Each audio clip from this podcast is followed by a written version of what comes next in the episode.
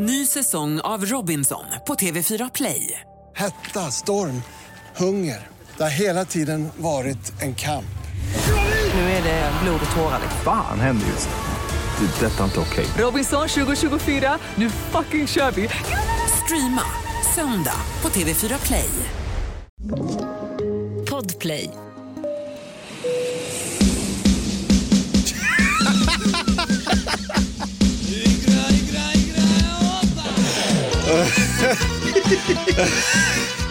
Vad är det här Karim? Det här är en krigslåt.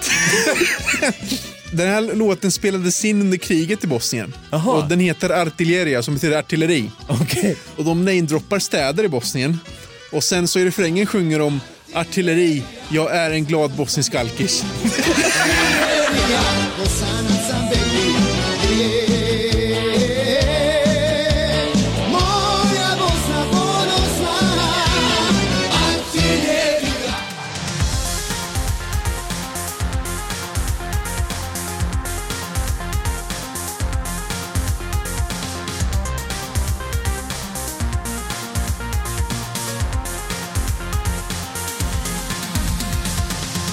Hjärtligt välkomna ska ni vara till våran succéspecial som går under namnet Landbonanza. Där vi varje vecka vi pratar länder med flaggor i olika färger och gränder.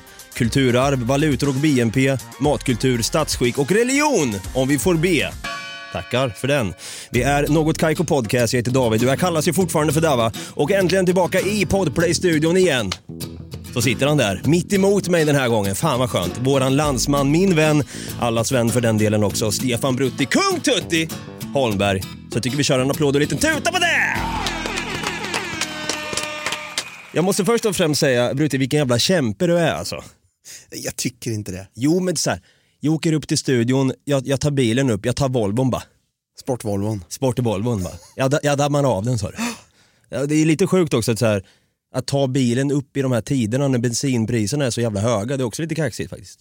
Ja, det är lite kaxigt. Men det är, det, är så, alltså, det är så jävla jobbigt att ta sig till studion om man ska åka tåg. Och, sen så tar det ju ändå typ hur lång tid som helst att hålla på och byta mellan tunnelbanor och bussar. Det är och ett he- helvete. Nej, jag orkar inte. Nej, fuck that shit. Kommer hem fortare om jag tar bilen. Det är lite så. Det är väl dags att skaffa en Tesla snart också va? Nej. Nej, okej. Nej. Ja, ja. Nej, vi ska inte prata bilar nu för fan. Vi, vi har ju vår andra gäst i landbonanzan i studion den här gången. Straight out of Bosnia, Herzegovina. Jag vet inte, jag är lite osäker på om man säger det. Herzegovina.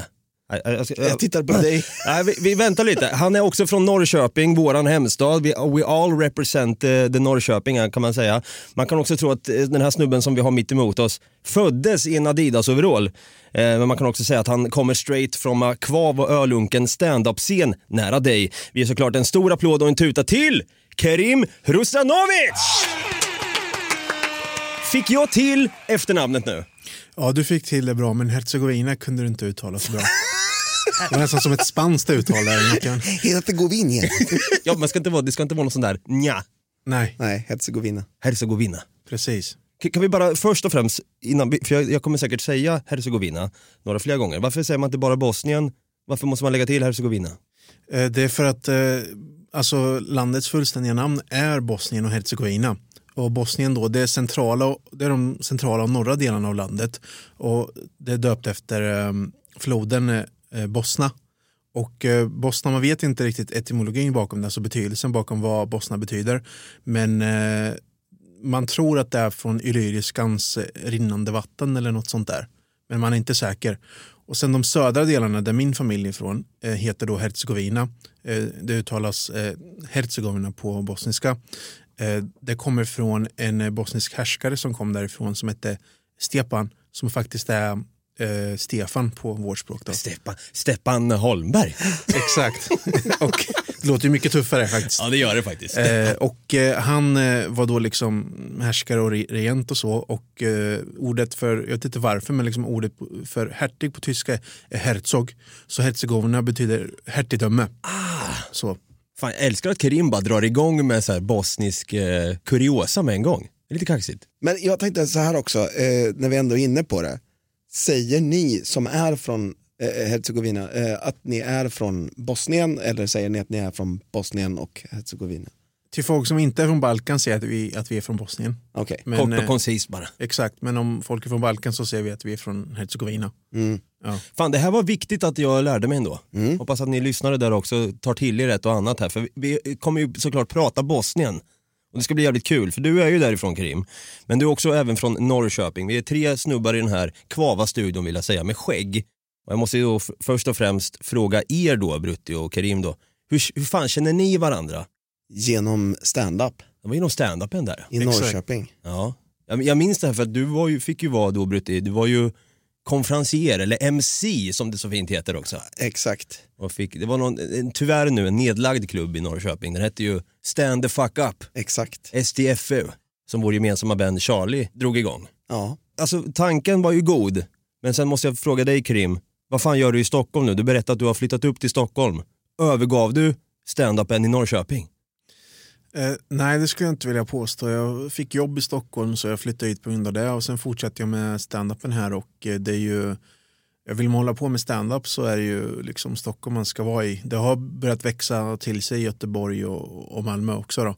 Och min fru har, fick jobb här också så att det blev liksom det naturliga valet att, eh, att flytta hit. Sen eh, har jag planer på att dra igång någonting i Norrköping igen men det, det har varit så omständigt med flytt och jobb och stand-up och allt där så vi får se när det händer. Men Eh, vi hade ju stand fuck up och jag hade ju klubb, den här klubben eh, 17 som jag drev på Broadway i eh, Norrköping som det gick ganska bra för och så liksom vi hade planer för den innan och sen kom pandemin och så men, men eh, jag tror definitivt att eh, eh att eh, Norrköping har potential som stand-up-stad. Det enda kruxet är liksom att bara motivera Norrköpingsbor till att göra någonting icke liksom, konventionellt för en gångs skull i deras liv. Ja, alltså, jag, jag måste ju passa på att säga att det är inte vilken stand-up-scen som helst du står på. Du har fan stått på Raw bland annat. Ja, jag gjorde debut på Raw i mars faktiskt. Nej, hallå, en applåd och en tuta på den. Ja, det Fan. tycker jag. Ja, det är lite kaxigt. Alltså, så här, fan, det, är väl en, om man, det är väl en milstolpe på ett sätt att man som stand-up-komiker når Raw.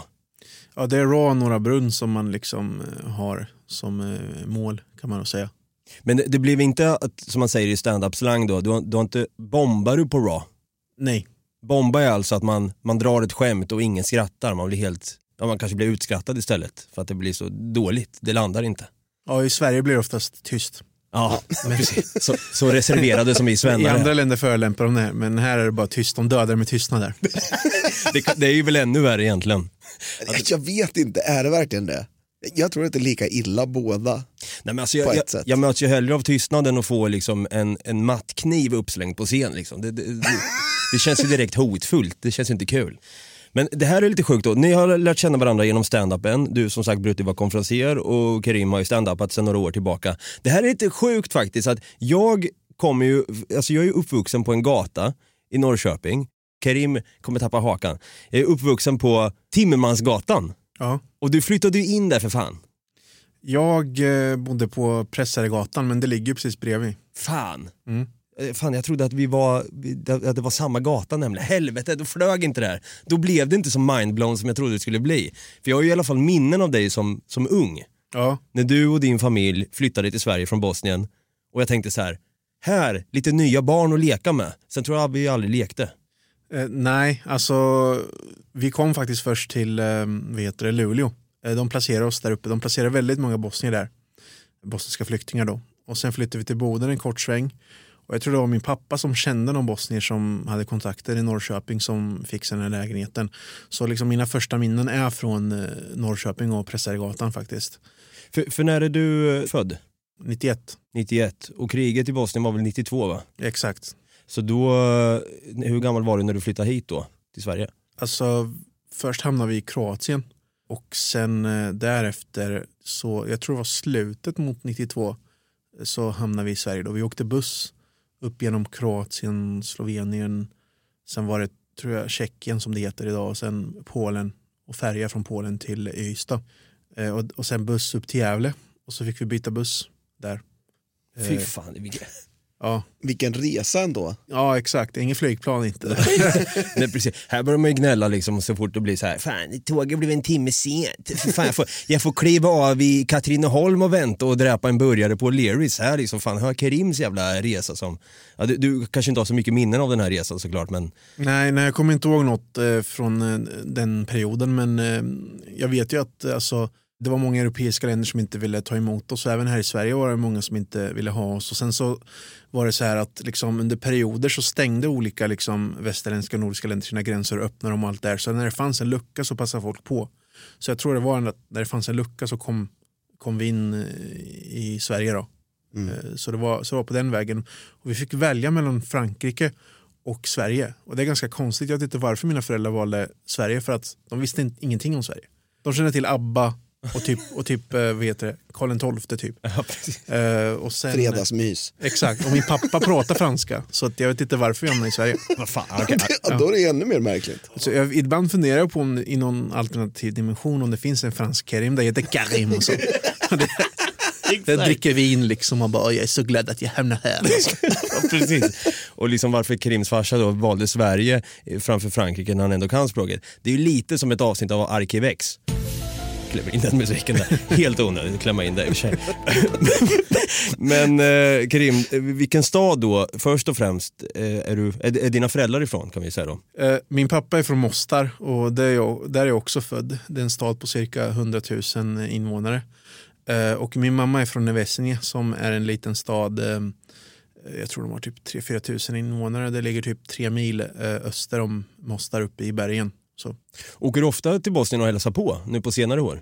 Eh, Jag åkte mycket som, som barn och som ung tonåring och så. Och sen har jag åkt sporadiskt sist jag var där var 2018 med en kompis faktiskt. Och det, var, det var första gången jag åkte dit med en kompis, liksom inte med, med släkten. Okej. Vi kan börja med den innan vi, vi går in på våra kära programpunkter här. Men det här med att hur mycket, den här, det är två viktiga frågor jag har nämligen. Hur mycket svenne känner du dig i Bosnien? Och hur mycket bosnier känner du dig i Sverige? Eh, Jag känner mig väldigt svennig när jag är där. Extremt svennig. Och eh, förut kände jag mig mer som en bosnier här ehm, i Sverige. Men nu med, med åren känner jag mig även mer, mer svennig här. Och så även om jag skulle säga att jag har lite, lite spår av bosnier, lite som så här, eh, spår av nötter i, i chokladen. Typ. Så. Uh, men vad heter det, ja, så, så, absolut, liksom bosnier är mycket mer konfrontativa. Uh, har inget filter och skulle nog uppfattas som oförskämda liksom, uh, väldigt ofta. Liksom. Alltså, om, du, om vi säger så att vi har känt varandra i massa år så har vi inte träffats och vi säger att du är bosnier då. Liksom, annars hade du sagt, om vi, om vi hade träffats och så skulle jag sagt fan vad kul att se dig, det var länge sedan. Hade du varit bosnier hade du sagt, kolla vem som äter bra, du har gått upp i vikt och så. Liksom, Det är det där jag älskar på något sätt. Det första jag gjorde nu när jag mötte Kerim i dörren, det var så här, en kram. Det var precis det som, som Benjamin sa också i för, förra avsnittet. Väldigt kramiga Ja, väldigt kramiga. Jag skulle hellre vilja mötas, lite grann som vi var inne på med stand-upen, att svenskar möter ett dåligt skämt med tystnad. Jag kanske hellre skulle vilja mötas av en förolämpande kommentar då. Jävla fett då. Kommer du, Jag ska börja med det. har du käkat upp katten eller vad är frågan? Ja, nej, men man, man roastar väldigt, alltså varandra väldigt mycket och så liksom. Så, så det gör man ju. För, för du gör väl en grej också i stand-upen att du gör my- mycket paralleller mellan svenskar och eh, om jag får säga det ordet, jag vet inte om det, det här kanske du får, får rätta mig, men man kan ju säga jugge. Är det lite grann, kan det vara ett skällsord om det kommer från en svensk och säga, "Ja, den där juggen där borta, han vet ju fan ingenting. Jag tror det beror på vem du frågar. Jag tror förut hade det mer negativa konnotationer när juggemaffian var aktiv liksom på 80-90-talet när det skrevs mycket om dem eh, i media och så. Eh, jag vet att många från forna Jugoslavien använder termen jugge just för att eh, beskriva en, liksom en gemensam kultur, liksom, för det finns ändå många kulturella likheter mellan folken där nere. Men eh, jag personligen tycker inte att det är något liksom fult eller något sånt där. Men vissa kan ju ta illa upp eftersom de tänker att det är mycket blod som spills på grund av krigen och vi vill inte tillhöra Jugoslavien längre och de vill inte kallas för juggar av den anledningen. Men det är väldigt individuellt skulle jag säga. För det är ju, alltså, för jag vet att du gör en stor grej i alla fall på stand-up-scen, att du, hur det är att vara svenne då, hur, hur svennar är och hur då folk från, jag säger det här nu då, folk från Balkan är och liksom gör vissa olika likheter och olikheter. Det blir jävligt roligt. Passa på fan, jag vet inte, det kan vi ta sen i slutet av avsnittet. Men du får gärna sen berätta lite kommande gig och så. Vart, Ja. man, vart man kan få, få se dig live, som det så fint heter. Och kan du säga till mig Karim nu bara, på, med lite så bosnisk brytning, eh, och så här, kan, du sluta, kan du sluta snacka nu och dra igång med det här fucking avsnittet någon jävla gång? Kan du sluta snacka nu och dra igång med det här jävla avsnittet någon gång? Ey? Det ska jag verkligen göra. Jag tänker som så att vi, vi, eh, vi, vi börjar med våra kära programpunkter och snackar Bosnien. Men först och främst måste vi såklart spela Bosnien-Hercegovinas nationalsång. Helikopter, helikopter. Sorry, det, var... det blev lite...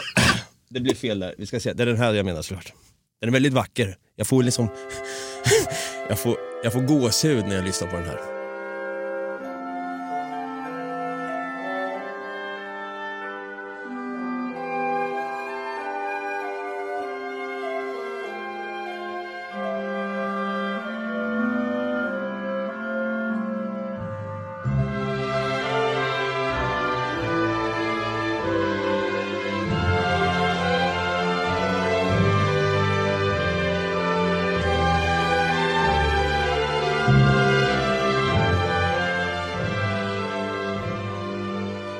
Väldigt vacker nationalsång måste jag säga. Definitivt. Alltså är det bara jag som får lite, du vet, jag får lite Band of Brothers feeling över den. Ja, jo. Eh, sen ska det sägas att det är en av de få nationalsångerna i världen som inte har någon text. Det är inte Spaniens heller. Nej, jag tänkte precis säga det. Det är alltså- Det är kanske är det som gör den så jävla fin, för jag kan tycka att så här, vad fan, jag ska stå upp och sjunga liksom. Det räcker med att få ställa sig upp och vara stolt. Ja, det hade ju varit, varit skönare liksom på skolavslutningen bara lägga handen på, på liksom hjärtat och sen exakt. se stolt ut. Typ, eller något sånt där. Det är lite grann. Mm. Får lite samma vibe. Kan inte det här bli Sveriges eh, nationalsång istället? Faktiskt. Ja, men jag känner det lite, jag får lite vibbar av du vet, när Gandalf liksom typ ler mot eh, Bi- Bilbo eller mot, vad heter han, Frodo? Ja, ja, Typ ja. ler. All, allt, Allt kom- löser sig. Allt löser sig. Allt löser sig. Och det kommer även vår första programpunkt göra, som heter då... Do you understand the words that are coming out of my mouth? No, I don't think so. Språk och utbildning. Ja, eh, vilka officiella språk pratas i Bosnien då? Kan jag säga Bosnien bara utan att... Ja, ja. Jag kommer snubbla på ordet och jag skäms varje gång jag säger det för det känns som att jag uttalar det fel och då känns det respektlöst. Sorry Karim. Men vilka officiella språk pratas då i, i Bosnien? Eh, De tre liksom officiella huvudspråken är bosniska, serbiska och kroatiska. Sen har du även eh, minoritetsspråk som romani och ukrainska, polska, eh, tyska, jiddisch samt ladino. Ladi, vad, är, vad är det då? La, ladino? Eh, ladino är det språk som spanska eh, judar eh, talar. Alltså judar som, har, alltså, som kommer från Spanien och har sina rötter där. Och det var så att när det, mm, det islamiska väldet föll i Spanien så fördrevs många judar från Spanien av eh, vet du, Isabella och Ferdinand, eh, kungen och drottningen där. Och då under den tiden, till, alltså under 1490-talet, då tillhörde Bosnien det Osmanska riket. Och de tog emot de här judiska flyktingarna och vissa av dem bosatte sig i Bosnien då. Så ladino kan man säga att det är, det är väldigt likt spanska men de slänger in många så hebreiska och arabiska lånord också. Fan, det, det är ju som en jävla vandrande historiebok här när man snackar med Krim. Jag, blir jävla, jag ska tilläggas också, han sitter inte med notes eller så, utan det här tar han top of mind bara. Det, liksom, ja, det var det jag tänkte i en, en tisdag som denna när jag vaknade upp. Liksom. Ja, jag är väldigt historieintresserad faktiskt. Ja, det märks och det är jävligt kul och det är därför du får vara med i den här podden, i den här bonanzan, i det här avsnittet. För är det någon som kan snacka Bosnien så är det för fan du. Alltså, förstår du eh, kroatiska och serbiska? Är det, är det liksom lätt att... Är det, hur, lika, hur lika är språken? Ja, alltså vissa skulle väl hävda att det är i, princip samma, alltså samma språk men olika eh, dialekter. Eh, men liksom det är lite komplicerat liksom på grund av politiken där och så men egentligen kan man säga liksom att de som pratar serbiska och kroatiska i Bosnien pratar med samma dialekt som de i Bosnien. Så hör du någon prata så kommer du inte veta vad, vilket liksom folkslag de tillhör. Men är det någon som kommer från länderna Kroatien eller, eller Serbien då hör man direkt på dialekten att de är därifrån. Sen ska sägas också att, att i Bosnien, trots att det är ett litet land, så finns det väldigt många olika dialekter.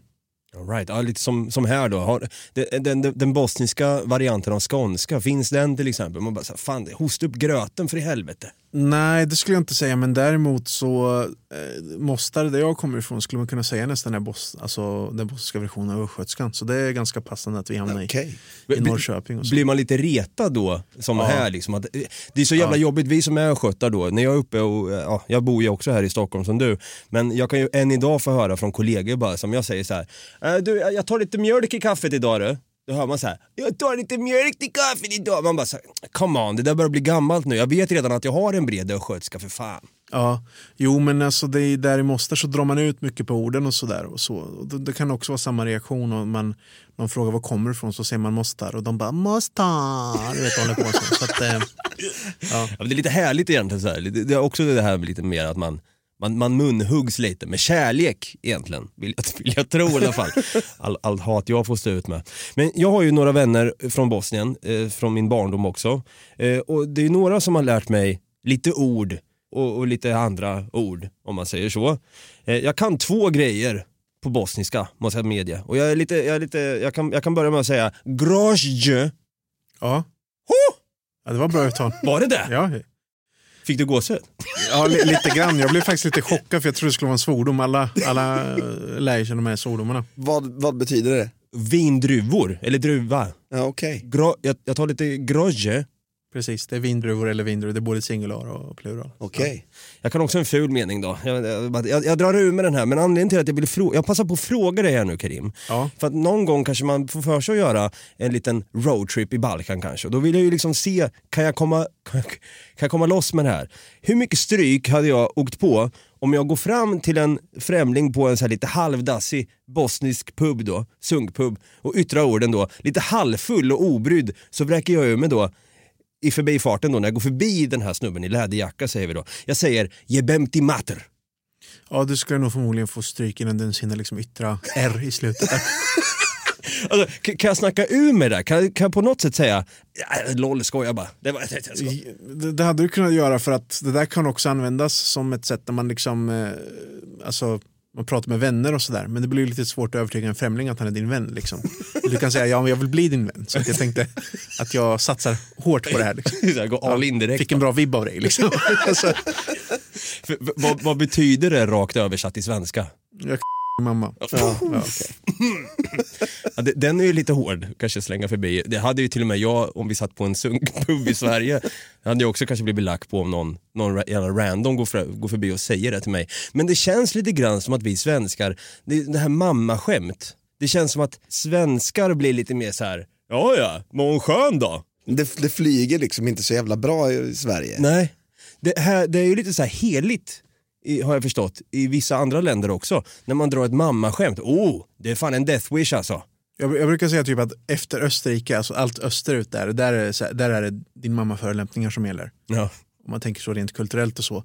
Men jag tror, jag tror väl att det har att göra med kulturen här också, liksom att det inte flyger lika mycket. Det är ju, liksom, om, om, om du liksom googlar, du vet, du vet man googlar och så kommer det upp förslag på vad folk googlar mest. Jag testade att googla eh, jag hatar och då dyker det upp eh, förslag som jag hatar mina barn och min mamma och allt det här. Och så. så då kanske inte så konstigt att, att det inte flyger här. Det, det, det känns lite grann som att svenskar kan yttra högt bara så här, fy fan vad jag är trött på min morsjävel. Jag tror inte man säger morsjävel. Men det, det, är lite småfult då att göra i, i, om man är från Bosnien då exempelvis. Det ska det liksom vara. Ja exakt, det ska ju vara typ så här, ehm, respekt mot eh, föräldrarna och så. Liksom. Men jag kommer ihåg en, svensk kompis när vi pratade med sin mamma. Han bara ja, ja, ja, ja, ja. Och, så, och, så, och sen la han på han bara jävla kärringjävel. Och, och till och med jag ville örfila honom. Men jag bara, vad, vad säger du till din mamma? Men jag fattar det nu. Alltså jag, jag tycker ju såklart man ska ha respekt för sina föräldrar. Inte överdriven respekt men det måste ju ändå finnas någon slags, man går ju inte runt och kallar sina föräldrar ditten och dattan. Jag vet inte, inte ska väl jag sitta här och predika vad man ska säga och inte. I slutändan så är det en människa. Det var väldigt svenskt av det där och direkt liksom upp, upp på vissa liksom handflator och bara nej men jag säger inte vad någon ska tycka. Precis. Men eh, jag, jag säger så här, man ska ha respekt men man ska också ha självrespekt. Där satte du fan huvudet på spiken. Ja. Ny säsong av Robinson på TV4 Play. Hetta, storm, hunger. Det har hela tiden varit en kamp. Nu är det blod och tårar. liksom. Fan händer just det. Det. är Detta är inte okej. Robinson 2024, nu fucking kör vi! Streama söndag på TV4 Play. Ett poddtips från Podplay.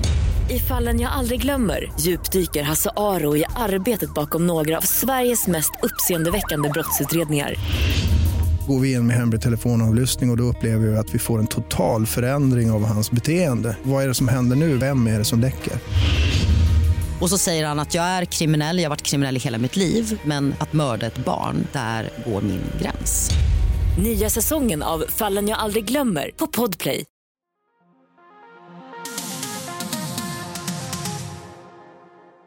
Double rainbow. Oh my god. It's a double rainbow all the way. How dare you! Klimat och natur. Puff! Här snackar vi eh, natur hörni. Alltså jag eh, har ju bara sett bilder på bosnisk natur så att säga. Men där känns det lite, ja, det är lite som Playa del Ingles hade jag sagt. Ja, det beror på vilken del av Bosnien du åker till. Liksom. Alltså, södra Hercegovina skulle man kunna säga att det stämmer in lite grann. Liksom. Det, det är väldigt eh, torrt, berget, så varmt om somrarna. Liksom. Det snöar inte så mycket eh, under vintern. Eh, centrala Bosnien, det är mycket berg. Mer centraleuropeiskt klimat och så. Nordöstra Bosnien, det är mycket eh, skulle kunna säga som Ukraina, mycket åkrar, mycket våtmark och så. Perfekt för att odla liksom, grönsaker och frukt och allt det här. Eh, västra Bosnien är mer kargt och torrt och så. Eh, där finns det faktiskt också eh, vilda hästar som man kan se springa runt och så. Precis, det, det, det är en grej som jag hade tänkt att spara till KKK egentligen, men vilda hästar i fucking Bosnien alltså, det tycker jag är så jävla mäktigt. Ja. Jag tänker direkt så att tankarna går ju direkt till Red Dead Redemption liksom. Ja, Glider precis. runt här på hästen, Springer runt och med, med lasso. Ja, precis. Ja. Är det någonting man gör i Bosnien? Springer man runt med lasso? Nej, jag tror inte folk har råd med lassen. Det blir att ta ditt skärp i sådana fall. Ja, alltså, det är inte bara det ni har, utan ni har ju för fan det här som jag sta- stapplade över så fint som man säger. Visste ni, eller kanske du har koll på Karim såklart, men att urskogen Peruchica, fuck, Peruchica, Perucica. Peruchica, ah, det, Z, Peruchica, som ligger i sydöstra Bosnien, är en av de största bevarade urskogarna i Europa. Jaha. Fan vad... Det kände jag till. Ja, Ja. Den finns i nationalparken Sutjeska och kan enbart besökas tillsammans med guider. Så här kan du liksom få komma till ett, till ett place där no man has ever been tänkte jag säga, men Men eh, guiden har ju varit där. guiderna är där. Ja, ja, det är väldigt orört i alla fall. Ja, men det är rätt häftigt. Men jag kan också passa på att säga det här innan vi ska gå in på någonting som jag älskar att prata om. Det är ju mat. Brutti älskar att äta det, jag älskar att prata om det. Men du är faktiskt den andra bosnien som vi har med i, i den här podden. Ja. Eh, Smile Alihodzic var ju den, den första. Tänk, er, har vi haft två bosnier i, i Vi, podden? vi har ju egentligen haft två stycken tidigare. Det är ju, vår vän Denno har ju varit med också. Fast han var ju med innan mig till och med. Om man räknar med honom då så blir du den tredje bosnien som är med i podden. Smile var ju med i avsnitt 22 redan, vi snackar pyramider. Och han berättar ju något som mindblowing. Att det finns ju för fan pyramider i fucking Bosnien Karim. Ja, nu vill inte jag vara partypooper här, men det finns inget konkret bevis på att det är riktiga pyramider än. Det finns inga bevis på att det inte finns, pyramid, att det finns pyramider i Bosnien Karim. Ja, exakt. Det är ju en hobby, vad heter det, arkeolog som påstår det. Och som tjänat grova pengar på att hämta turister dit. Så, men man har fortfarande inte bevisat att det är pyramider. Det ser ut som pyramider när du tittar på det och så. Men vad heter det, jag ställer mig liksom tveksam till att om det verkligen är pyramider. Men det finns däremot mycket annat eh, vackert där. Den här, den här snubben som påstår att det finns han heter ju Semir Osmanagic. Exakt. Är det en liten, är det en liten motherfucker hade du kunnat säga? Ja, heter man Semir då är man mytoman alltså. Det betyder mot mytoman på. Ja, Semir ja vad fan han tror vi på. Det finns pyramider där så gör det det. Ja men det, okej fan det var inte bra till partypoopa skiten i alla fall. Ja. Det, ska, det, det var bra så att inte jag går runt och liksom helt lyrisk här Ska i inte sprida fake news här. Nej precis, du kan inte gå runt och säga till folk, åk till Bosnien, där finns det pyramider. Nej, och precis. så, någon jävla mytoman som har kommit på. Däremot finns det god mat. Vad äter ni förresten? Jag undrar vad ni äter. Det kanske låter gott. Matkultur. Tror jag, jag har ingen aning. Jag har käkat bosnisk mat. Har du aldrig ätit cevapcici? Det har jag. Ja. Svingott. Det var- det var det jag hade skrivit ner här men jag fattar inte om jag... Cevapici, Cevapcici, eller cevap om du vill göra det enklare. vad är det då? Det är köttjärpar kan man säga. liksom som är kryddade och så. Helst ska de ju grillas. Och sen äter man det med hembakat bröd som liknar pitabröd men det, smak, det smakar bättre skulle jag säga. Det gör det. det alltså, det, det är lite tjockare också. Ja, exakt. Det är typ tjockt men ändå krispigt. Om det tillagas på rätt sätt. Sen äter du med rå hackad lök och kajmak som är en sorts eh, kletig mjukost. Och då tar du en bit med bröd, eh, plockar upp kajmak och så plockar upp löken för det liksom etsar sig fast vid eh, kajmaken. Och så tar du en kebab, liksom en kebabi-bit och äter. Det är nationalrätten. Ja. Det finns faktiskt en, um, en så här, eh, liten um, food truck i Norrköping som heter Balkan Taste. Väldigt som gott där. serverar det. Så jävla gott. Jag tänker lite, när jag, när jag hör den här, f- f- först och främst, fan vad skönt att vi pratar om någonting, nu äter inte jag kött i och för sig, men att vi pratar om någonting som låter faktiskt gott. Vi har i två avsnitt här tillbaka snackat om skitmat. Jag är så, jag är så trött på...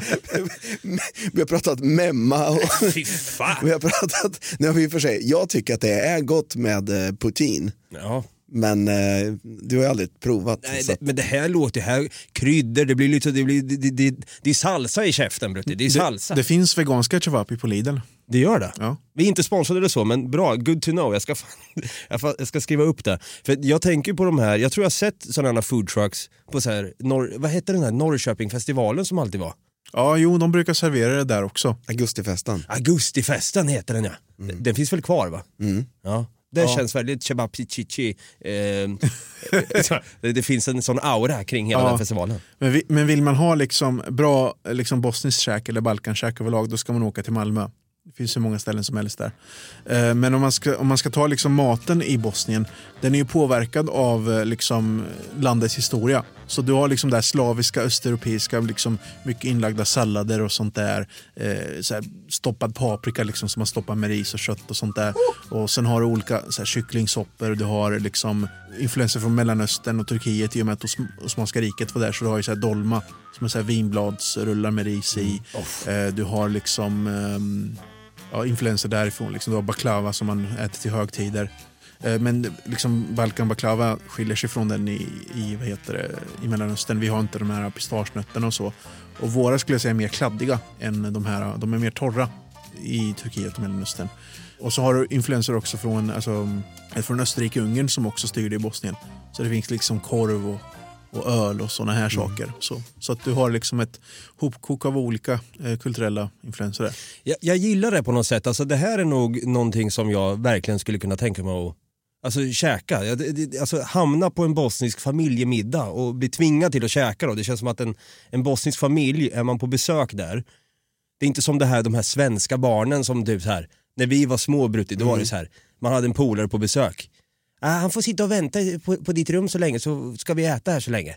Så här, alla svenska barn har fått sitta i fucking polarens rum och vänta tills polaren jag är hos ska käka det där har jag klart. också varit med om. Jag trodde först att det handlade om rasism, men det verkar som att alla, alla drabbas av det där. Ja men det är så jävla konstigt. Så är det väl inte i Bosnien känns det som. Eller i en Nej. bosnisk familj. Där det är så här, kom och ät bratte, annars ger jag dig en jävla örfil med min eh, klackring jag har. Ja, precis. precis. Jo, men så är det ju. Liksom. Det, det är så här en aggressiv gästvänlighet. Liksom. Ja. Men är det så här, bara, vad fan ska du inte äta? Ja, man ser det nästan som en Nej, förolämpning. Men, men förlåt, men jag, jag åt precis innan jag kom hit. Jag är proppmätt. Nu ska du äta. Det är, liksom, det är, inte, Ja, det är inget snack om det. Exakt. Jo men, jo, men så är det. Alltså jag vet ju också någonting, det har jag däremot käkat, burek, eller burek. Mm.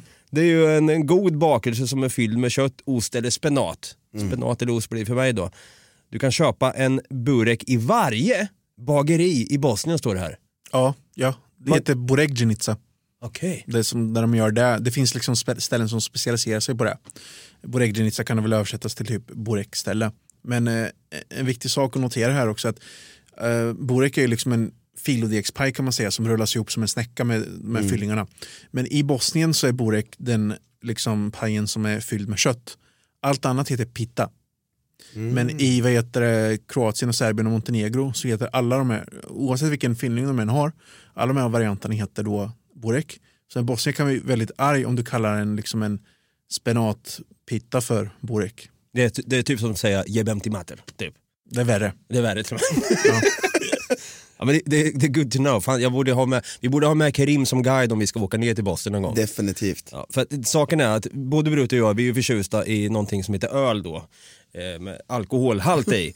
Jag har ju förstått Grim att du, du dricker ju inte. Nej. Och vi kommer komma till det varför du inte gör det. Men också, du kanske inte du har så jättebra koll, eller det kanske du har. Sups det mycket i Bosnien? Ja. De gör det? Jag tänker att det är väldigt mycket sån här Slivovica. Ja exakt, Eh, Slivovica är ju så här plommon, eh, någon sån plommon, alkohol, alltid plommondricka. Sen är det ju rakia Mm. som kommer från Osmanska riket faktiskt, som är ett sorts brännvin. Eh, Mm. Som man ofta gör liksom hembränt och det brukar vara i såna här, um, så här plastflaskor, så här gamla colaflaskor. Så. Det händer att många bosniska barn råkar ta en spriteflaska och så tror de att det är sprite. Alltså. nej. Man häller också rakia på sår. Ja, man häller också rakia på sår när barn slår sig och så. Jag fick rakia liksom på mina sår. Det bara brann. Jag bara, haha. Jag bara, du blir starkare, du blir starkare. Alltså, ingen 1177 här liksom. Nej, det är bara, precis. nej. På, på så är det löst liksom. Och sen är det ju öl också. Det finns bryggerier i Bosnien så att jag tror att det finns typ två bryggerier i Sarajevo. Preminger. Eh, heter det så? Jag, jag, bara tänkte, jag, jag fick eh, av Denno då som vi pratade om innan, han bjöd mig på bosnisk öl en gång och skröt lite, det här är från Bosnien. Mm. Tog jag testade det, det var ju gott. Preminger hette det, jag tänkte om det var någon så här variant av Spendrups. Ja, jag, jag tror det finns ett ställe som heter Sarajevsko Pivo också, alltså Sarajevo-öl. Sen eh, så dricker de my- mycket öl från Kroatien också, så lite grannland, liksom Karlovačko till exempel. Men det sups i alla fall. Ja, men eh, när man blir full där så blir man inte som svenskar. Alltså, jag har Pinsam uppfattat- menar du? Nej men exakt, alltså, exakt. Jag älskar det. Tack för att du sa det. ja, men jag, jag kan uppleva att svenskar blir så här antingen, alltså svenska killar de blir fulla, antingen blir de så här extremt aggressiva eller extremt liksom melankoliska eller emotionella och så. Och lyssna på Kent. Ja. Ja men typ alltså. Jag, jag har haft liksom lagkamrater när jag har idrottat och kollegor och så som knappt pratat med mig och sen när de blivit fulla bara Fan du är så jävla skön! Alltså, jag gillar det och de öppnar upp sig för mig. Liksom. Det är någonting med mig som gör att de vill liksom prata om sina problem. Liksom. Sitter jag där och är nykter terapeut liksom, på firmafesten. Det är en klassiker faktiskt. Men, men hur blir en, en bosnier då på fyllan? Eh, En bosnier blir väldigt kärleksfull och så, för liksom bosniska män vill lära oss att liksom bara gnissla tänder och stänga in alla känslor och allt där. Och så då blir det ah, min kompis, min bästa brutti, ah, min bratte, min bror. Och så sjunger man sånger och sånt där och så. Liksom. Fan, Mycket sånt, slår sönder en flaska liksom, så här, när din favoritlåt spelas. Och, så, och, så, och den delen av texterna till de här låtarna man lyssnar på då, det kan ju vara Sevdalinka som är bosnisk folkmusik men också turbofolk som är en blandning av typ så här folkmusik och popmusik och massa konstiga syntar. Eller bara emotionella poplåtar och så. Det är väldigt emotionell musik där. Så jag tror att man, alla de här känslorna man har stängt inne kanaliserar man via spriten och musiken. Sen finns det ju också folk som sörjesuper och så, men då brukar de sitta själva i ett hörn på krogen. Liksom. Ja, och sä, säg inte något skit, de bara sitter där. Bara, Exakt. I, ibland kan man höra... Ja, Exakt. Så var det då. Ja. Exakt. Hålla på och jämra sig om sitt gamla ex som det tog slut med för 25 år sedan. Men okej. Ja. Något sånt.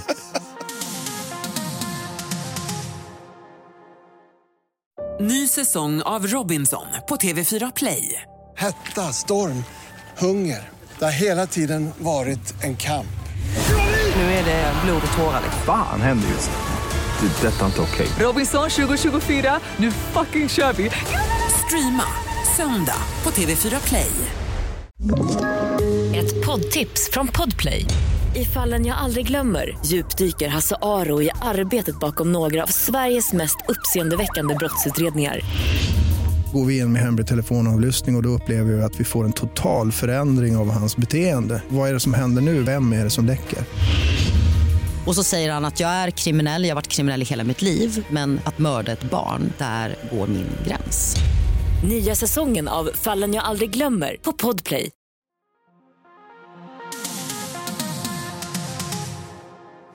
Jag tänkte att vi kunde lägga till lite extra dramatik här. Yes, we can. Nine, nine, nine, nine. Yes, we can. Statsskick.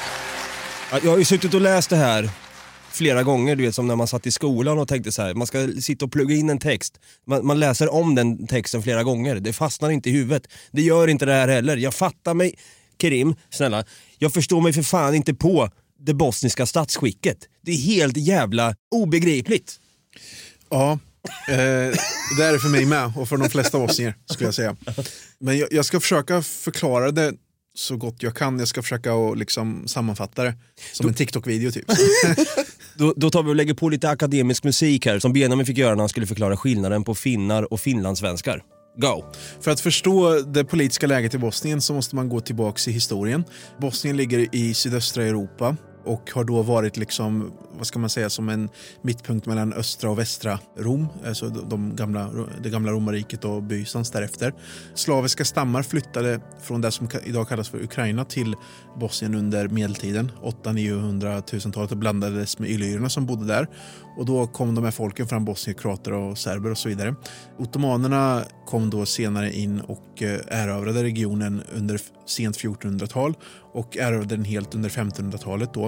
Eh, under den här perioden valde ganska många bosnier att bli muslimer av eh, olika skäl. Det kan ha varit liksom av praktiska skäl men också av ren eh, religiös eh, övertygelse. Och där har man följt den ortodoxa kyrkan, katolska kyrkan, bogumilismen som är en utdöd eh, lokal kristen sekt som fanns där och sen islam därefter. Osmanska riket krackelerade på 1800-talet och 1878 Ottomanerna hade ju flyttat runt mycket folk där, liksom, flyttat runt arbetskraft, resurser och så. Och österrikarna gjorde eh, samma sak, de moderniserade landet och så. Sen blev det ett kungarike där som styrdes av en serbisk kung som styrde över he hela eh, Jugoslavien som det hette då. Och sen eh, utbröt ju första världskriget. Det startade i Bosnien, i skotten i Sarajevo. Just det, smack sa det va? Exakt. Och sen, eh, sen så kom andra världskriget och då vann eh, partisanerna eh, där um, kommunistiska slash socialistiska, det beror på lite hur man tolkar det, rörelsen. De vann mot eh, fascisterna där och Bosnien tillhörde några år en, en fascistisk marionettstat som eh, styrdes av Kroatien. De var marionettstat åt Nazityskland. Men sen kom då partisanerna och eh, de vann kriget eh, där då under andra världskriget och eh, då blev det då socialistiskt styre med Tito som styrde landet från 45 till 1980 och då dog han och sen så utbröt ju kriget 1992 och varade till 95. Och I Bosnien då så har du de här tre största grupperna då som är bosniaker som är bosniska muslimer som utgör ungefär 50 procent av befolkningen. Och sen har du serber och förresten bosniakerna bor, eh, bodde runt hela landet då i princip. Och sen har du bosnienserber då som utgör ungefär 30 procent av befolkningen som fanns i också hela landet i princip, mycket östra och norra delarna av landet. Och sen fanns det bosnienkroater som också fanns utspridda i landet men mycket koncentrerade i västra Herzegovina och västra och centrala Bosnien och de utgjorde 15 procent av landet. Då utbröt det krig där utan att gå in på för mycket detaljer så var det bosnienserbiska styrkor som krigade mot eh, bosniakerna och kroaterna. Sen krigade bosniakerna och kroaterna mot varann. Sen gjorde de sams 95 och gjorde en offensiv mot eh, bosnienserberna för att ta tillbaks liksom, det som ansåg vara ens territorium. Och då kom Bill Clinton och amerikanerna in där 95 och då skrev den bosniska presidenten, den serbiska presidenten och den kroatiska presidenten ett avtal i Dayton, Ohio som kallas för Daytonavtalet där man kom överens om att vi ska ha fred i landet och alla ska få bo kvar men vi ritar en linje som går liksom, den slingrar sig som en orm genom landet och vi delar upp det i två entiteter Federationen som är eh, där bosniakerna och kroaterna bor, eh, där de utgör en majoritet och sen Republika Srpska, den serbiska republiken som utgör, där serberna, bosnienserberna utgör majoritet som är den andra halvan av landet. Och det här slingar sig runt och det har ju skapat ett administrativt helvete i landet. Men det, och det man gjorde då var att man utsåg tre presidenter som ska representera de här eh, grupperna. Det finns flera andra partier i Bosnien, men de flesta röstar på partierna som de här tre politikerna representerar. Och då styr de i fyra år, men man roterar makten var åttonde månad. Så roterar man med varandra. Men sen har de också eget styre över de här entiteterna. Så de gör lite som de vill där med infrastruktur, ekonomi eh, och så vidare. Men det är ingen gräns mellan de här entiteterna. Det är bara skyltar som visar att du åker in okay. i dem och så. Typ alltså mer, mer som eh, landskapsgränser typ? Eh, ja, typ, typ så. Eh, men det är ju en helt ny konstruktion som amerikanerna liksom eh, ritar upp och så landet har stått still politiskt sedan 95 kan man säga. Eh, ja. Men ändå en applåd och en tuta till att Karim kan det här top of mind. jag hoppas att jag var tydlig. Alltså, vi, det var enkelt förklarat. Vi borde ha döpt den här programpunkten till historia istället. ja, men, ni förstår kanske varför jag tyckte att det var viktigt för att ni ska förstå varför. Exakt. Ja, men, ja men verkligen. Alltså, ja. Hade du bara sagt att vi har tre presidenter. Ja, okej. Okay. Bara för det är skoj liksom. the more the merrier liksom. Nej men det, fan vad sjukt. Tre statschefer alltså som styr var, var åttonde månad var då helt enkelt. Ja. Lite, funkar det bra då? Nej. Nej, det går åt De kommer inte överens. Nej exakt, någon fattar något beslut, sen så liksom kommer den andra in och bara avbryter det där beslutet och så. Politik är ett helvete, men någonting som inte är ett helvete, det finns däremot ett. Det finns en himmel också. Min segway här, vi ska prata religion. Hej hej! Gud är god och han vill vara med dig. Hej, hej! Religion. Du var inne på det lite grann här. Du dricker inte alkohol för Mm. din tro. Eh, och du var inne och sa det här med bosniak. Mm. Är man bosniak då är man då en bosnisk muslim. Oftast ja. Oftast. Mm. Du ser dig själv, är du, du är bosniak då? Ja, exakt. Islam is the shit har jag förstått i Bosnien. Ja, Fem- 50 procent av befolkningen. Ja. 50-50 och sen är väl resten då, det är väl eh, kristna, så, så är det uppdelat där vilken, vilken tro Ja. i den kristna kyrkan det är. 30 procent ortodoxa, 50 procent katoliker och sen resten är judar. Okej. Om man ser till religion så. Men du är uppvuxen muslim då. Eh, islam har varit en, det är for, fortsatt en stor del i ditt liv. Hur är det att vara muslim i Sverige som är ett så pass sekulariserat land? Alltså känner du ibland så här, fan vad, vad lite, folk tror ju inte på ett skit här. Nej, alltså, Eh, alltså de flesta bosnier är inte särskilt religiösa eller praktiserande. Så jag skulle säga att de flesta bosnier kanske är troende till en viss grad, att de tror på Gud eller något sånt där, men de är inte särskilt eh, praktiserande. Kanske inte äter gris, men de dricker alkohol och liksom gör allt annat och så. Liksom. Jag kommer inte från en särskilt religiös familj själv, så, här, så det kom inte som någon Liksom, jag har aldrig tyckt att det var något konstigt hur folk tycker och tänker i Sverige. Jag kan däremot tycka att det är lite lustigt liksom, just på grund av bristen på tro gör att det blir lite konstigt och roligt eh, bland svenskar när, när någon har dött eller något sånt där. För man vill ändå säga något fint men man vill inte säga så här hoppas han har det bra i himlen och något. Bara, ja, mm, styrkekramar eller, eller något sånt där. Liksom. Exakt. Fast med mellanrum då. Ja. Precis. Nej, men alltså, vi kan ju säga att vi är kristna men det är ju också för att dels vi är döpta, vi är ju liksom det är ett kristet land ändå, sen att man inte är religiös är en helt annan grej, att man är troende. Alltså vi kan ju det, här slänger man typ som att man ska få en klapp på axeln för att man en gång har varit engagerad i kyrkan. Jag är, liksom, jag är ju konfirmerad, jag slänger mig där ibland. Jag har konfirmerat mig men de flesta gör ju det bara för att svenskar konfirmerar sig bara enbart för presenterna. Det var det jag gjorde i alla fall. Fick jävligt mycket presenter, det blev lite fest sen också. Det var lite så här, alla andra gjorde det så man ville inte vara utanför. Alltså de bästa minnena jag har var ju från konfirmationslägret. Fan mycket brudar det var där. Heta som fan var. Man var, Man pratar inte så mycket om Gud va? Nej, exakt. När man väl pratar om Gud, bara, ja ja, vi får väl stå ut med det här för att sen kunna hänga med brudarna liksom. Det var ju det man ville göra. Ja. Men eh, ber du, eh, alltså, har du dina, dina bönestunder, är du så troende att du drar fram en matta och ber? Alltså jag eh, vet det, för det första behöver man inte ha en matta för att be. Okay. man behöver inte vara Aladdin liksom. Eh, Det ska bara vara rent där du ber och så. Men det är därför man har mattor eh, ganska ofta. Liksom just, man har några mattor man liksom har i något skåp eller något så att den inte smutsas ner och sådär. Men jag ska säga att i ungefär 8-9 år var jag liksom väldigt så praktiserande och så. Liksom. Nu har jag under, ungefär sedan pandemin faktiskt har jag blivit ganska slarvig med det och så. Liksom. Jag skulle säga att jag har en ganska stark tro men jag är ganska dålig på att praktisera. Eh, faktiskt. Ber du på, i så fall när du väl körde eh, som mest då, ber du på arabiska? Ja, det gör eh, varje muslim. Okej. Eh, Så man memorerar de här verserna. Och det finns korta verser man memorerar. Man behöver inte förstå vad som sägs. Alltså det finns ju översättningar. Så att det finns ju översatt på bosniska, det finns ju Koranen översatt på svenska också. Så det man gör är att man lär sig det arabiska alfabetet. Det finns jättemånga muslimer som inte pratar arabiska men som kan läsa alfabetet. Och det är inte så svårt som man tror. Liksom. Okej. Man kanske blir förvirrad om man spelar Call of Duty och bara ser de här arabiska bokstäverna när man kör vissa här kartorna. Så Där har de förut bara skrivit så här A, B, C, D. Liksom. De har inte ens ansträngt sig för att skriva ord där. Nej. Eh, Men det är inte, faktiskt inte så svårt att, att läsa arabiska uttalet. Det är, ja, det, det är, jag skulle säga att det är lättare att uttala arabiska ord faktiskt än, än bosniska ord. Kan vi få höra, kan vi få höra bara, en- nu blev jag nyfiken här, hur, hur, hur din arabiska i så fall låter. Kan man få höra en liten mening på arabiska då? آه، طيب آه، الآن آه، أنا أتكلم العربية وهذا ال- ال- العربية الفصحى Åh jävlar. Fan vad coolt. Jag vet inte, jag, jag tycker ar- arabiska är ett jävligt vackert språk alltså.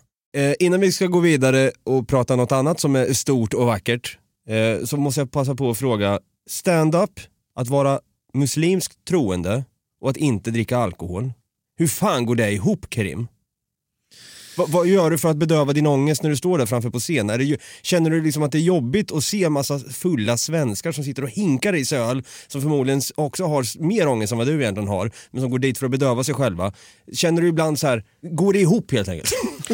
Ja, ja så det, det funkar ju liksom. Alltså det jag gör, jag har lite olika ritualer som jag har innan jag kliver upp på scen. Att det kan vara liksom att jag, går in på toaletten och liksom boxas i luften och motiverar mig själv, liksom örfilar mig själv och sådär. så. Eller bara liksom stänger ögonen och tar några djupa andetag och så. Sen ska jag säga att det är bra att vara lite nervös, man ska inte vara för avslappnad. Man ska vara lite på tårna och så. Liksom. Eh, sen, sen kan jag säga liksom att jag håller på så pass länge nu liksom att jag ehm, jag kan läsa av en publik ganska bra tror jag. Så att jag vet vad det är för sorts publik. Oftast är det inte så att folk är liksom stupfulla eller liksom jättetysta eller något sånt där. Så, och jag kan säga att faktiskt på, den senaste tiden har jag kört en hel del på open mics på sådana här förortskrogar just för att det är svårt att gigga där. För att det är några liksom, fyllegubbar som ska titta på hockey och några liksom, som står och skriker där och så. Så måste du kämpa med att få deras uppmärksamhet och då fokuserar jag på att roasta dem och allt där tills de alla tittar på mig och sen kör jag mina rut- rutiner och allt där. Och så. Men jag försöker alltid tänka så här, om jag, om jag bombar så fan livet går vidare. Ja, ja. Liksom. Vad, gör det, vad gör det om hundra år som man säger? Ja, det, det, det, det spelar ingen roll liksom. Eh, så, så det är liksom så jag försöker eh, se på det. Liksom. Man får tänka att man är mycket modigare än alla andra som inte vågar gå upp på scen och så. Och det är faktiskt svårt att veta om ett skämt är roligt eller inte. Det, det, är, ett annan, det är en annan sak att dra ett skämt så här i en konversation eller i en podd. Och det är en helt annan sak att dra ett skämt på scen. Och kruxet där är att försöka leverera skämten på ett sånt sätt att, ja, men på, på ett väldigt effektivt sätt. Eh, och då måste du våga ta de här riskerna och våga begå de här misstagen. Men det kan man applicera på det mesta liksom, när du pluggar eller jobbar och så. Du måste våga göra fel. Skulle du, skulle du våga ställa dig på en scen i Bosnien och, och köra standup? Ja, jag skulle definitivt bli bättre av det. Jag skulle bli häcklad. Liksom. Alltså där, eh, liksom, jag skulle säga... Men, för jag tänker det, att eftersom de är sådär när ni ses, typ åh du, du är Ja. bra. Skulle de vara så på scenen? va? Ja, ja, ja, de ska, åh, kolla komikern. Ja, alltså, alltså, kolla.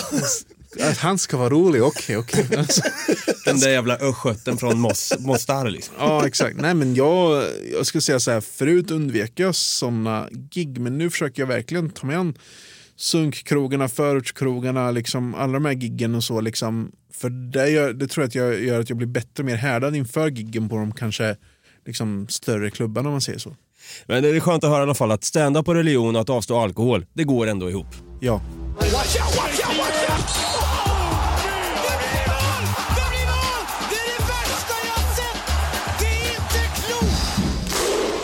Idrott. Idrott då, skulle man också kunna säga. Det är en liten en religion i sig, särskilt när vi pratar om en viss person här i, i Sverige som spelar för Sverige. Tack gode gud för det. Vi ser ju upp till honom lite som en gud och en konung till viss del också. Jag snackar självklart om Zlatan Ibrahimovic. Och det många inte vet är ju att han är för fan halvbosnier och halvkroat.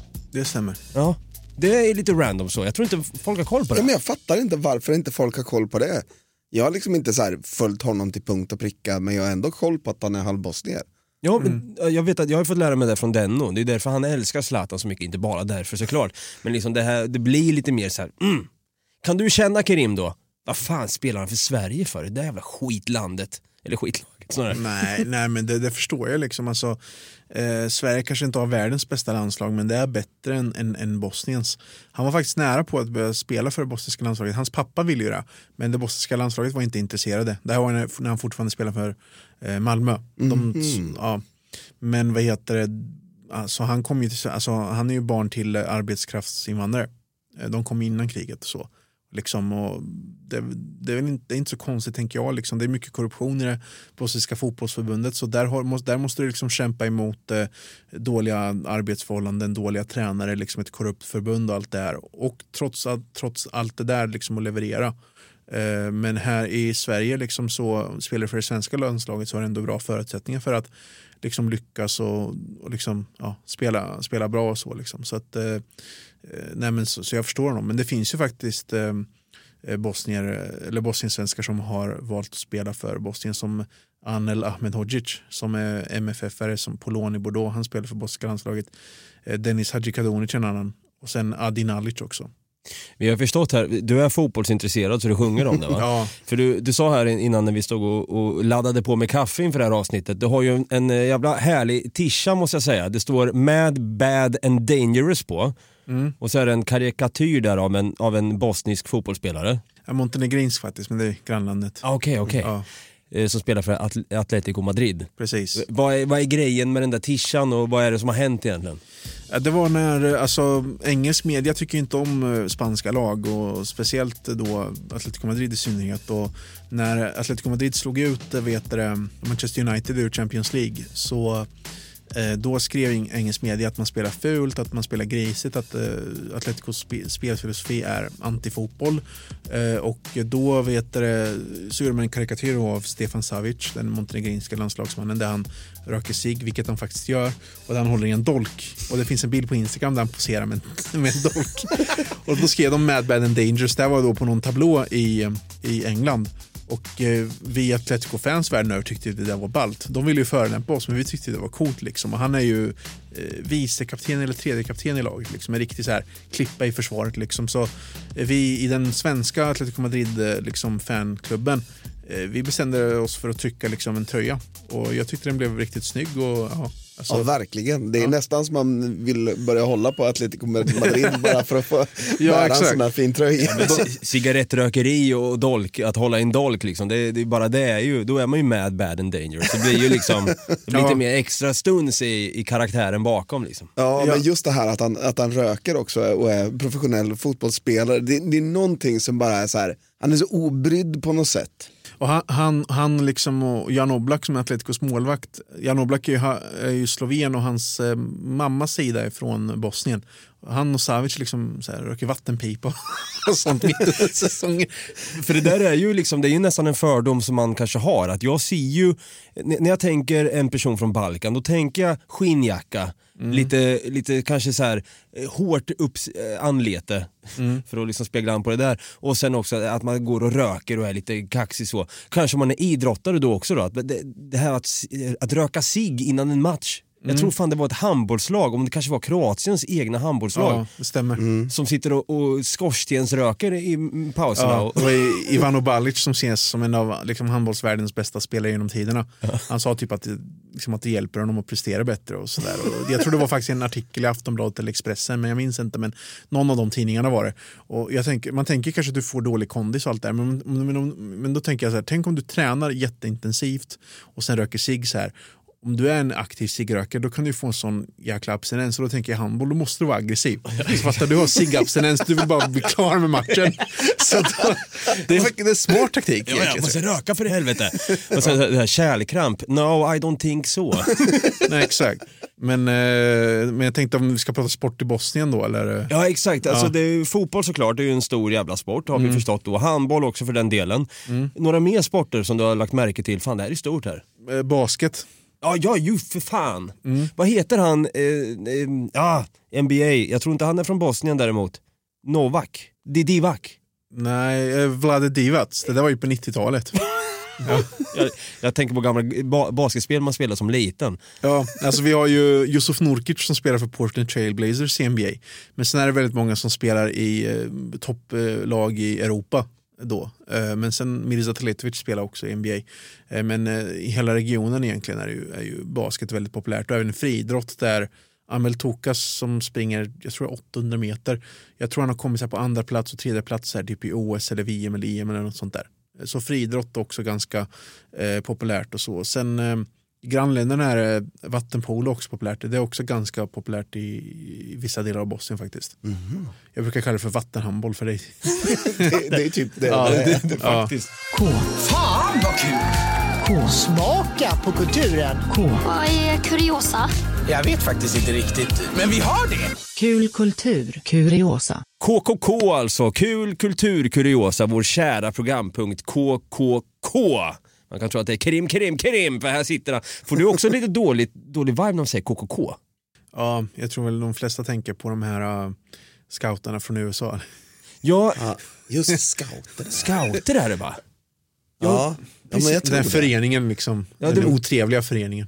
Ja, det var väl någon, någon skriveri där om någon förening som inte var så Nej, jag, omtyckt. vet, jag är inte så, jag är inte så insatt. Nej, men vi kör på KKK ändå. Vi har ändå myntat det vid det här laget. Men eh, då kan vi ta den här frågan direkt då. Det här kanske inte är, det kanske är inget med kultur eller kuriosa att göra, men det kanske är kul i alla fall. Balkanbor och skinnjackor och som jag sa här innan i introduktionen, Adidas overaller. Mm. Vad är grejen? Alltså skinnjackor är, är det väl, jag tror att många, typ på landsbygden och så, alltså folk är väldigt händiga där. Så att de, eh, de jag tror många gör skinnjackor själva faktiskt och så. Eh, sen Adidas, eh, så där var det både i Sovjet och Jugoslavien så var det så att Adidas var sponsor till det sovjetiska, liksom, de sovjetiska idrottarna som representerade Sovjet på eh, 80-talet. För att de var billiga då liksom och de ställde upp och då tyckte liksom östeuropeerna att eh, fan det här är fan snyggt, det här kan man ju bära. Liksom. De såg liksom sina idrottare bära och de tänkte fan det här vill jag ha. Det ser snyggt och praktiskt ut och så. Och liksom, Jugoslavien ligger liksom också i Östeuropa så jag tror liksom att det spillde över där liksom och så. Liksom. Och på den vägen blev det. Liksom. Jag tycker att det är lite konstigt på ett sätt för att en tysk kedja Mm. sponsrar eller sovjetsk. De, Ja. för eftersom de, de, det var inte så länge sedan de slogs mot varandra. Nej, men eh, när det kommer till eh, pengar så tror jag inte det spelar någon roll vilken ideologi du har. så kan det vara. Ja. För, för jag följer ju en, en eh, rätt så rolig grupp på Facebook eh, som heter Squatting Slavs in Tracksuits. Det är lite det här med att om man ska ha på sig en, en Adidas overall då, så ska man squatta då som en slav kan göra. Det känns lite Balkan och squatta också när man ska ta en bild. Ja, men det, det har nog att göra med liksom efter, efter liksom kommunismens fall i den här regionen så var det många stökiga, smutsiga gator och så. Liksom, och vi är väldigt rädda för att bli sjuka. Det finns det så här, alltså, på Balkan tror, tror man ju att man kommer bli sjuk om man sitter på betong och sånt där. Eh, det är sånt skrock där, så då är det ju bättre att skåta. Lite hypokondriker alltså. Exakt, ja, väldigt mycket skulle jag säga.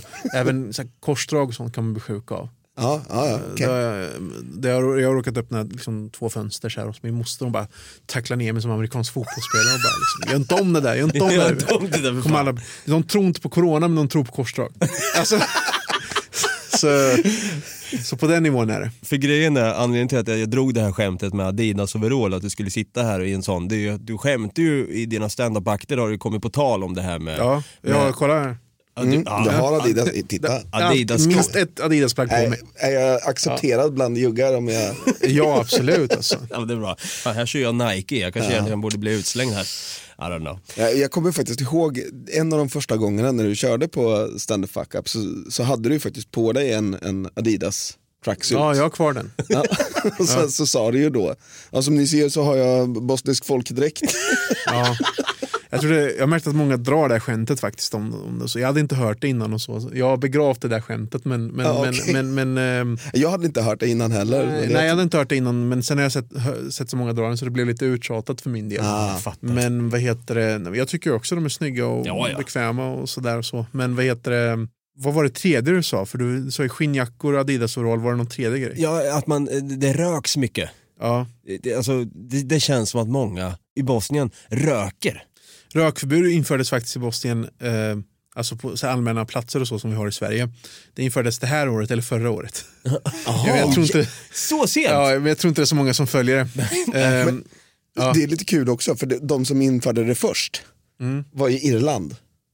ja, det är också lite Det är, så så här, här, det är så här märkligt för de röker också som jävla borstbindare. Och de fick, liksom, det, det första de tog bort det var ju pubbar. Ja, exakt. Men, alltså, men varför man röker det tror jag också precis som eh, spriten. Det är mycket instängda känslor och då kan man kanalisera det genom en, liksom en tobakspinne. Exakt. Och då kanske man kan stå där och bonda då när man är lite halvfull på Preminger eller någon annan bosnisk öl. Vad sa du nu? Det fanns en, en till, den kändaste bosniska ölen. Dra till Ja, det är väl Sarajevo-ölen, Sarajevsko Pivo. Sarajesko Pivo, kanske man står där och kedjeröker med sin bratte och så drar man igång och bondar över musik och då finns det ju en person som jag sprang över som jag hade kunnat säga är kanske Bosniens egna Julio Iglesias. För att säga det. Jag vet att Kerim har full koll på vem den här snubben är men han gör himla bra musik. Vi ska se när Kerim kan ta den här då. Dino Merlin. Dino Merlin. Det här med låten Rane. Sår betyder. Sår. Ha, en man som öppnar upp här genom... Han är, han är sårad här nu. Han, kan pra- han är lite halvfull säkert när han spelar in det här också. För, eh, förmodligen. Så är det en cigg som hoppar runt mellan läpparna när han spelar in låten. Den har så här fastnat Ja. under läppen.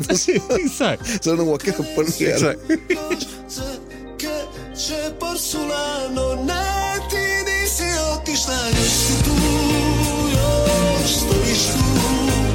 Sjezi grana väldigt fint måste jag säga.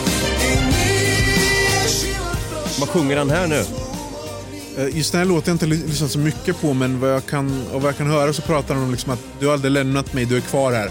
Så det är väl antagligen en kvinna som är ett sår som är kvar i hans hjärta. och- Var det hyfsat bra beskrivet? Kan man säga att det här är Bosniens Julio Iglesias? Ja, faktiskt. Det är en ganska bra jämförelse skulle jag säga. Inte lika smörig. Nej. Nej. Men, eh, men nog. Och han är, och han är liksom över 60 men eh, alla generationer lyssnar på honom. Okej. Och hela, i hela regionen. Så. Dino Merlin. Han bodde faktiskt i Landskrona ett tag också. Ja, hans fru hamnade här under kriget så han var här eh, liksom periodvis. Okej. Ja. Då kan jag tänka mig att många eh, vallfärdar till hans konserter när han smällde upp något här på någon. ja, han har ju kört i hela, hela Sverige och han har fyllt upp borgen flera gånger i Norrköping. Fy fan. F- f- Sakerna, det känns som att jag har hört talas om den här snubben. Ja, du har säkert. Han har ju ställt upp i Eurovision två gånger. Och han har vi. skrev också den första låten eh, som Bosnien ställde upp med, jag tror det var 92 eller 93. Så det här, det här bandet flög alltså från Bosnien, alltså de var tvungna att, att ducka liksom bomber och, och liksom krypskyttar och allt där för att ta sig till eh, Eurovision-tävlingen och sjunga. Och Uff. låten handlar om kriget också. Så. Oh, det är starkt då, mäktigt. Ja. Det finns en annan låt här som jag sprang över som jag också tyckte var lite catchy. Det känns som att här, när man då har kanske börjat bli lite emotionell där när man har druckit några preminger eller eh, Sarajevsk piva. Ja. Eh, Och din brorsa ligger ner. Ja, exakt. Precis. Då kanske man tänker så här, men fan det är dags att liva igång den här festen. Då hittar den här, jag vet inte vad den heter, Bosnian Folksong. Jag hade några x antal miljoner views på Youtube så det känns som att den åker på på ett, ett antal bosniska efterfester out there.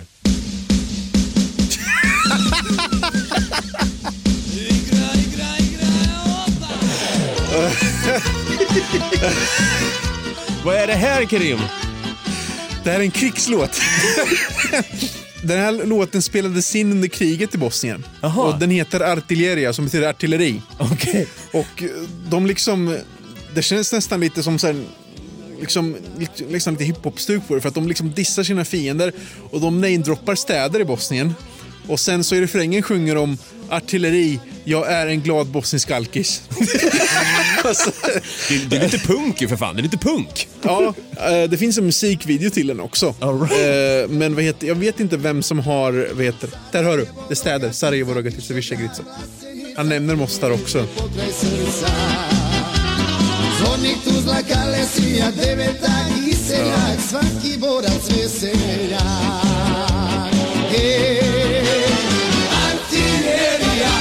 Där har du, artilleri. Och så, är en glad boss. Fan, det här blev ju mer lyckat än vad jag trodde. Jag trodde inte det här var en gammal krigslåt. Jo, den spelades in liksom under 90-talet där. Okej. Ja, men den är, den är svängig liksom. Jag brukar gymma till den här. Som alla bosnier gör. Exakt, exakt. Nej, men fan, det är härligt att ha lite så här egen slagsång eller vad man ska säga. För att Ja. pumpa upp sig själv på gymmet. Finns det något annat? Uh, Brute, har du grävt fram något kul? Rätta mig om jag har fel, men det finns en film som heter Svart katt, vit katt. Är inte den från Bosnien? Ja. Ja, exakt. Den är faktiskt jävligt rolig. Ja.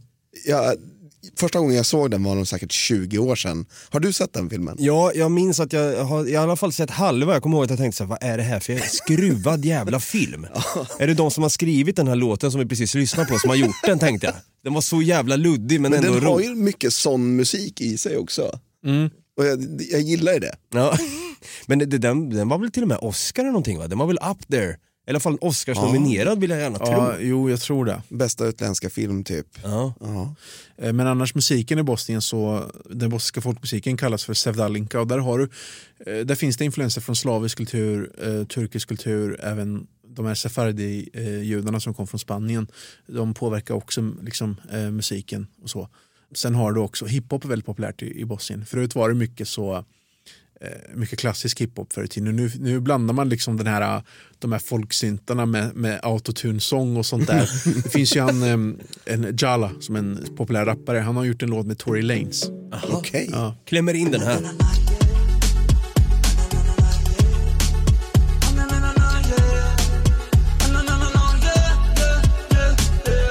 Mamma O kako mi se ja čuka Puno dima gori huka Ona igra se se ljulje dole ispod kuka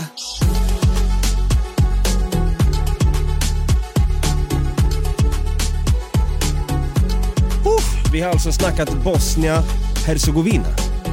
Du kan ju säga det på svenska också. Vi har alltså, Bosnien-Hercegovina. vi har alltså snackat Bosnien-Hercegovina. Har vi gjort. Jag tänker så här, när jag säger just Bosnien-Hercegovina då vill jag säga Bosnia-Hercegovina, deux points. Jag vill, jag vill, jag, Ja, okej. jag, vill, jag vill lägga till... Jag, jag, jag tror det skulle vara någon sån amerikansk liksom, krigsfilm, så här, när, du vet, när man, de filmar landskapet och så är det någon som "Ah", någon sån här låt. Och sen kommer de här texterna som skrivs som så här, på, en, på en typewriter. Bosnia and Herzegovina. Så kan det också vara i och för sig. Ja.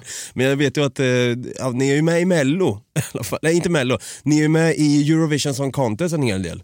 På tal om musik. Jag tror inte vi har varit med på ett bra tag faktiskt. Nej, jag tror inte heller det. Ja, hade, hade inte jag någon koll på alls i alla fall. Någonting som jag har koll på i alla fall det är att Kerim, fan vilken ära det har varit och haft med dig i det här avsnittet och snackat om Bosnien-Hercegovina. Definitivt. Ja, det har varit en ära att få vara med här, äntligen. Ja, det är fan i mig på tiden. Vi har ju snackat om att Kerim ska vara med och när passar det som bäst egentligen? Jo, när vi ska fan snacka om det här underbara landet vi har i vårt kära Balkan, vårt kära Balkan, men i Balkan i alla fall. Det här, vi sa det lite grann innan, eh, du, har ju, du håller på med din standup-karriär. Vad har du för kommande gig här nu framöver? Eh, Jag brukar köra varje helg på Mafia Comedy och Stand Up Star. Eh, Så det är på fredagar och lördagar. I Stockholm då? Exakt, i Stockholm. Så det är bara att kolla upp Mafia Comedy eller Stand Up Star så brukar jag synas där.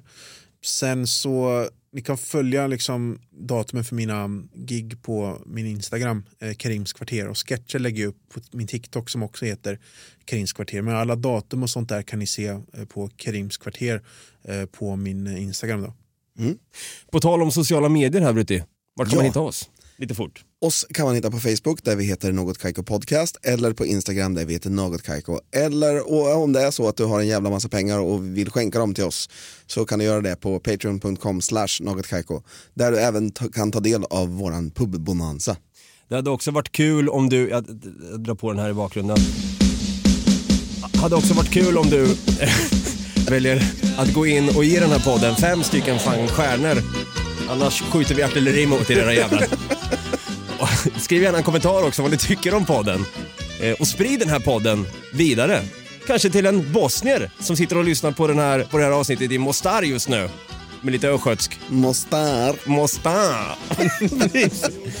Återigen eh, Karim, svinkul att du varit med och du ska få äran att utbrista de två gyllene orden som vi alltid avslutar den här podden med.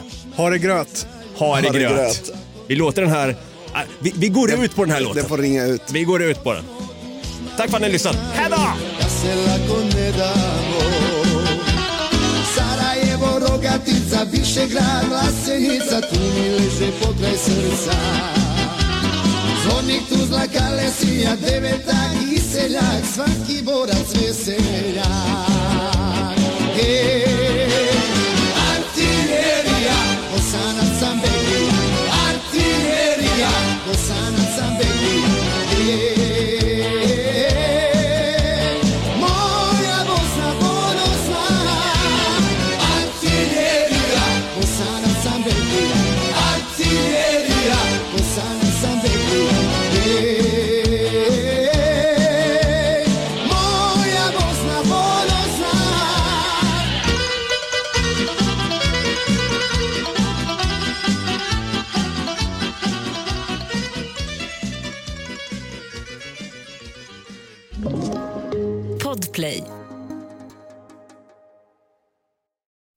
säsong av Robinson på TV4 Play. Hetta, storm, hunger. Det har hela tiden varit en kamp. Nu är det blod och tårar. Fan händer just nu. Det. är Detta är inte okej. Robinson 2024, nu fucking kör vi! Streama söndag på TV4 Play.